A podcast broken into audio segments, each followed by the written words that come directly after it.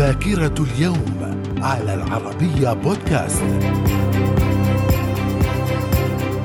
أهلا بكم ومن ذاكرة اليوم الثالث عشر من مارس في العام 624 وقوع غزوة بدر الكبرى والتي تمثل أول معركة في الإسلام. في العام 1462 طباعة الإنجيل لأول مرة. في العام 1781 ويليام هيرشل يكتشف كوكب أورانوس ليكون الكوكب السابع في النظام الشمسي. ذاكرة اليوم. ومن ذاكرة الثالث عشر من مارس في العام 1852 أصبح يرمز للولايات المتحدة بالعم سام في العام 1938 ألمانيا النازية تضم النمسا إلى أراضيها وذلك بعد يوم من احتلالها. في العام 1948 سويتشيرو هوندا يؤسس شركة هوندا موتورز. ومن ذاكرة الثالث عشر من مارس في العام 1986 المحطة الفضائية مير تستقبل أول زائريها وهما رائدا فضاء سوفيتيين. ذاكرة اليوم. في العام 2001 محكمة كويتية تخفض حكم الإعدام الصادر بحق علاء حسين المتهم برئاسة ما عرف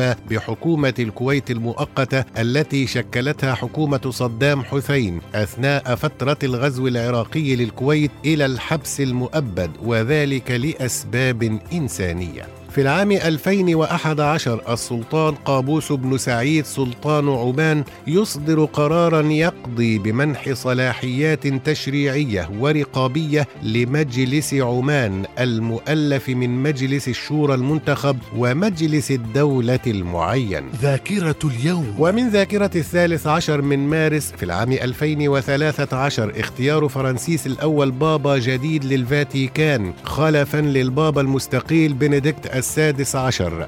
وفي العام 2015 إدانة رئيس جزر المالديف السابق محمد نشيد بتهم إرهابية متعددة والحكم عليه بالسجن 13 سنة. في العام 2016 مقتل 34 شخصا على الأقل وجرح 125 آخرين في تفجير سيارة مفخخة وسط العاصمة التركية أنقرة. ذاكرة اليوم. من مواليد الثالث عشر من مارس في العام 1902 موسيقار الأجيال المصري محمد عبد الوهاب. وفي العام 1931 المغنية اللبنانية نجاح سلام. في العام 1941 ولد الشاعر الفلسطيني الراحل محمود درويش. في العام 1943 ولد الممثل الكويتي غانم الصالح. وفي العام 1967 ولد المغني التونسي